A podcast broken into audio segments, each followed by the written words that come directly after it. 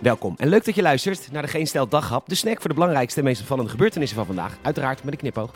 Met vandaag heerlijk naïef volkje, Amsterdam weert nepdrugs en christenen geloven heel veel. Mijn naam is Peter Bouwman en dit is het nieuws van zaterdag 16 oktober.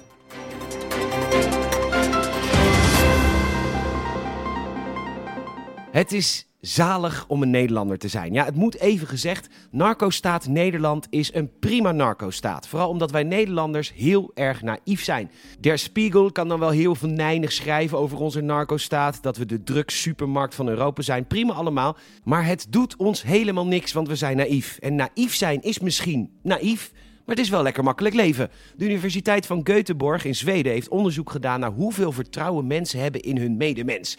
En Nederland is het allergroenste van heel Europa. In maffiastaat Italië vertrouwen ze niemand, maar zo niet de Nederlander. Deal uw drugsgerust arbeider. Uw klandizie zal wel recreatief gebruiken en dat is helemaal prima. En oh, mag ik een kopje suiker lenen? En van de Nederlanders hebben de Zeeuwen het meeste vertrouwen in hun medemens. Al dus omroep ja, Zeeland. En het is wel zeer opvallend dat we de meeste berichten van opgelichte bejaarden altijd bij Omroep Zeeland lezen. Maar goed, blijf lekker naïef, word je oud mee. Amsterdam, de stad van hoop, gaat nepdrugs weren.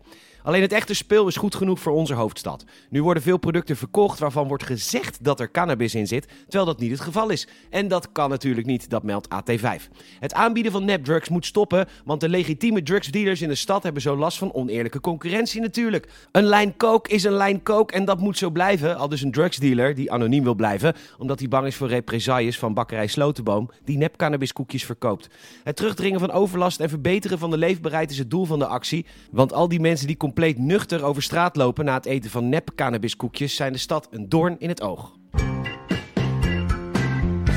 Steeds meer christenen geloven in complottheorieën dat corona het einde der tijden is en dat de QR-code leidt tot een werelddictatuur. Dat meldt de T. Ook schijnen ze te geloven in een opperwezen en dat er leven is na de dood. En dat als je bijvoorbeeld homo bent, dat je dan eeuwig zult branden in de hel. En dat iemand de aarde heeft gemaakt in zes dagen. Bizar hè? Die mensen geloven echt alles. Zijn alle christenen zeeuwen of zo? Ze wonnen de televisiering voor de documentaire De Kinderen van Ruinerwold over de kinderen van Ruinerwold. En dat smaakt naar meer. Documentairemaakster Jessica Valerius heeft dan ook bekendgemaakt dat er een vervolg komt. Bij welke familie de kinderen nu worden opgesloten en misbruikt is nog niet bekend. In 1993 werd Pablo Escobar doodgeschoten door de politie. Je weet wel, toen Colombia nog een narcostaat was.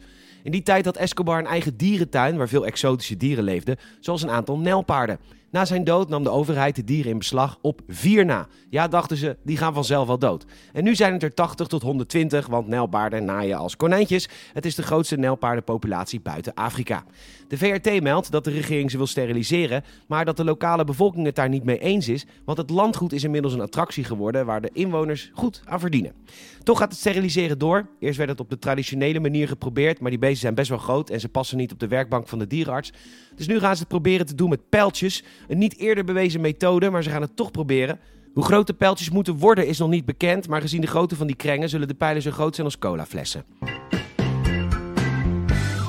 Bedankt voor het luisteren. Je zou ons enorm helpen als je een vriend of vriendin vertelt over deze podcast. Je kan ons volgen via Vriend van de Show of Spotify.